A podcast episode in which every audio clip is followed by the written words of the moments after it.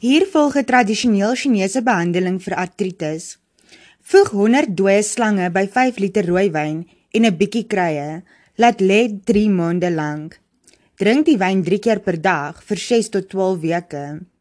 'n Ietwat vreemde konkoksie, maar tot baie onlangs het die meeste dokters enige kosverwante middels vir artritis as byna net so bizar beskou soos hierdie onaptydelike brousel. Hoewel daar geen spesifieke kossoort is wat artritis by alle mense sal help verlig nie, erken dokters vandag dat wat jy eet of in sommige gevalle nie eet nie, kan help om die ongemak te verlig en selfs die verloop van die siekte te verlangsaam. Artritis wat pyn, styfheid en swelsel in en om die gewrigte uitlok, is nie net een siekte nie, maar baie. Die mees algemene vorm van artritis is osteoartritis, wat deur slytasie van die kraakbeen die skokabsorberende materiaal tussen die gewrigte veroorsaak word. Sodra die kraakbeen wegsluit, skuur been teen been en lei tot pyn en styfheid in die vingers, knie, voete, heupe en rug. Reumatoïde artritis is 'n ernstiger vorm van die siekte. Dit kom voor wanneer die immuunstelsel nie meer die liggaam beskerm nie, maar dit begin aanval. In hierdie aanvalle swel die membraan wat die gewrigte uitvoer op en vreet geleidelik die kraakbeen in die gewrigte weg. Die eet het die grootste uitwerking op hierdie vorm van artritis.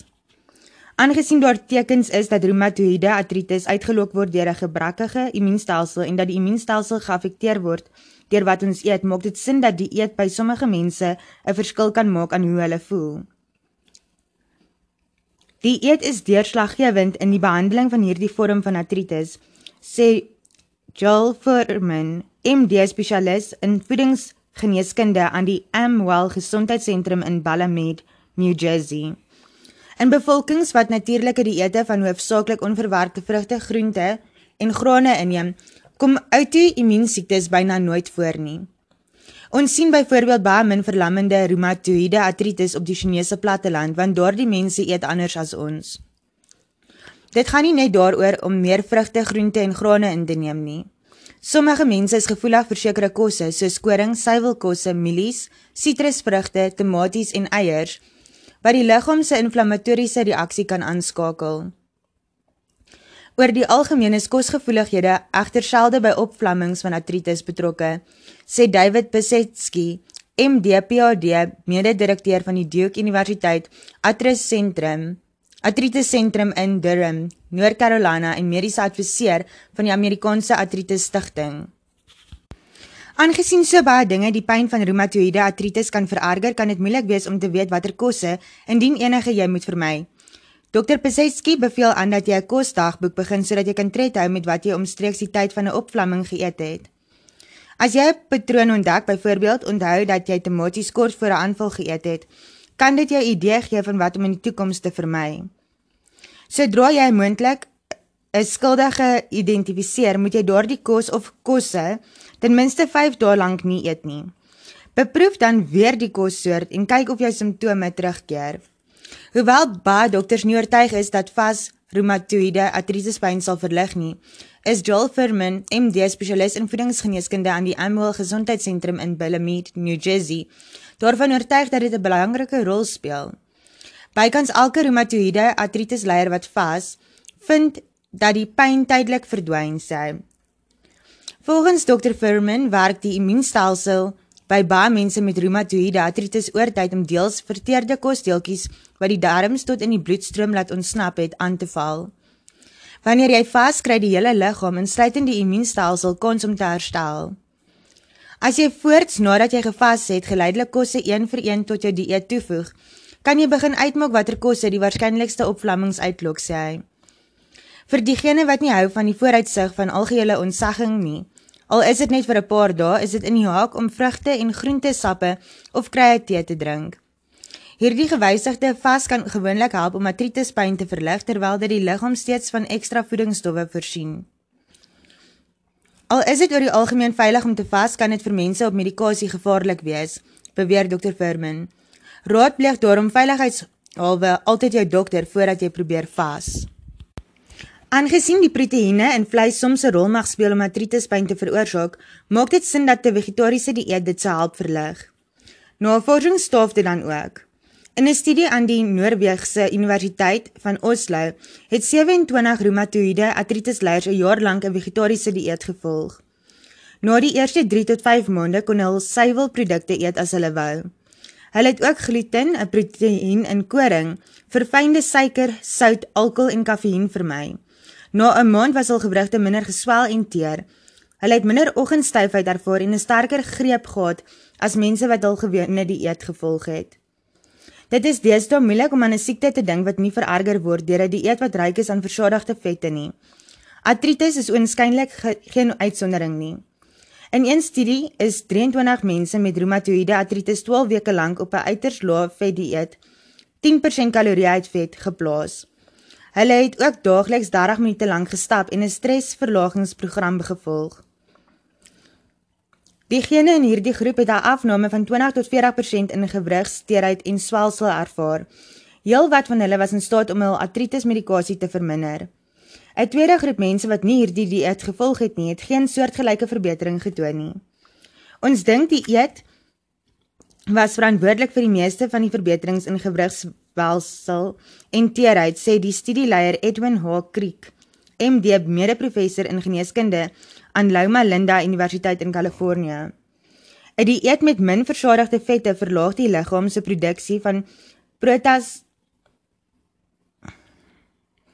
prostaglandine, hormoonagtige stowwe wat tot inflammasie bydra, sê Dr. Kriek. Daarbenewens mag 'n lae dieet boodskappe wat deur die immuunstelsel gestuur word, belemmer en daardeur die liggaam se inflammatoriese respons onderbreek. Die onderbreking van daardie chemikalieë kan die gewrigte help beter word, sê hy. Een manier om dit te werkstellig is deur 'n lae vet of grootliks vegetariese dieet te volg. Sommige dokters beveel aan dat die eetvet beperk word tot niks meer as 25% van jou totale kalorieë nie, met niks meer as 7% van hierdie kalorieë afkomstig van versadigde vette nie. Daar is 'n baie maklike manier om jou inname van versadigde vette te verlaag. Moet dit bloot nie by kos voeg nie, sê Dr. Pesetsky. Gebruik byvoorbeeld op 'n toebroodjie laafvet majonees in plaas van die ware Jakob. Indien jy botter, suuroom en kaas met 'n laafvet of vetvrye teenvoeters vervang, kan dit ook jou inname van versadigde vette verlaag. Selfs al sny jy hulle nie heeltemal uit nie, kan bloot minder daarvan in jou dieet 'n verskil maak. Hoewel dit oor die algemeen goed is om aan vette te besnoei, is daar een soort vet wat jy dalk by artritis weerende dieet moet insluit.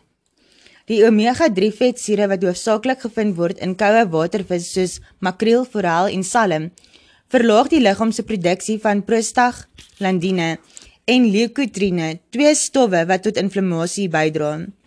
In een studie het navorsers aan die Albany Mediese College in New York 37 artritisleiers hoë dosisse visolie laat inneem. Na 6 maande het hierdie mense gemeld dat hulle minder teergewrigte ervaar met minder oggendstyfheid en 'n kragtiger greep as diegene wat minder of geen visolie ingeneem het nie. Hoewel wetenskaplike studies dikwels die gebruik van aanvullings vereis, kan jy soortgelyke baat vind deur die vis te eet. Aldus 'n studie aan die Universiteit van Washington in Seattle. Navorsers het bevind dat vroue wat een of meer porsies gebakte of geroosterde vis per week eet, minder geneig is om reumatoïde artritis te kry as vroue wat nie vis eet nie. Om die genesende voordele van vis te geniet, moet jy dit 2 tot 3 keer per week eet, sê Joanne Kering, Celentano, RD, PhD, mede-professor in voedselleer aan die Universiteit van New Hampshire in Durham. Vis ryk aan omega-3 sluit in salm, bloufin tuna, reënboogforel, heilbot en pollak of andersins as algemeen bekend as kabeljou. Blikkies vis soos makreel, haring, sardiens en tuna is ook ryk aan omega-3s. Dokters het jare lank nooit vermoed dat daar moontlik 'n verband tussen die eet en osteoartritis mag wees nie. Hierdie toestand is immers 'n natuurlike gevolg van slytasie van die gewrigte, het hulle gereken. Wat kan die eet tog daaraan doen? Volgens 'n voorlopige studie kan wat jy eet agter 'n verskil maak. Navorsers aan Boston Universiteit se skool vir geneeskunde het die eetgewoontes van mense met osteoartritis van die knie bestudeer. Hulle het gevind dat die moontlikheid dat die siekte mag vererger by diegene wat die meeste Vitamiin C ingeneem het, meer as 200 mg per dag, 3 keer laer was as by die wat die minste Vitamiin C, minder as 120 mg per dag ingekry het. Die navorsers is nie seker waarom Vitamiin C skynbaar so 'n verskil maak nie, sê die studieleier Timothy McAllenden, MD, assistentprofessor in geneeskunde aan die mediese skool. Aangesien Vitamiin C 'n antioksidant is, mag dit die gewrigte beskerm teen die skadelike uitwerking van vry radikale, onstabiele molekules wat inflammasie in gewrigte kan uitlok. Vitamiin C mag ook help met die verwekking van kollageen, wat die liggaam se vermoë verhoog om skade aan die kraakbeen te herstel. Dr McAllenden beveel aan dat 'n mens ten minste 120 mg Vitamiin C per dag, 2 maal die DW uit jou dieet verkry. Dit is die hoeveelheid in 2 lemoene sê hy. Ander vrugte en groente ryk aan Vitamiin C sluit in spanspek, broccoli, arbeie, soetrussies en ook rooibos bessiesap. Nie net wat jy eet kan osteoartritis affekteer nie, maar ook hoeveel jy weeg. Daar is goeie bewyse dat mense wat oorgewig is, 'n verhoogde risiko het om osteoartritis in gewigdraande gewrigte soos die knie te ontwikkel, sê Dr. Pesetsky. Navorsing dui ook daarop dat oorgewigtes meer gevaar loop om osteoartritis in nie gewigdraande gewrigte soos die in die hande te ontwikkel. Gewigsverlies lei tot minder pyn en beter beweeglikheid, sê hy.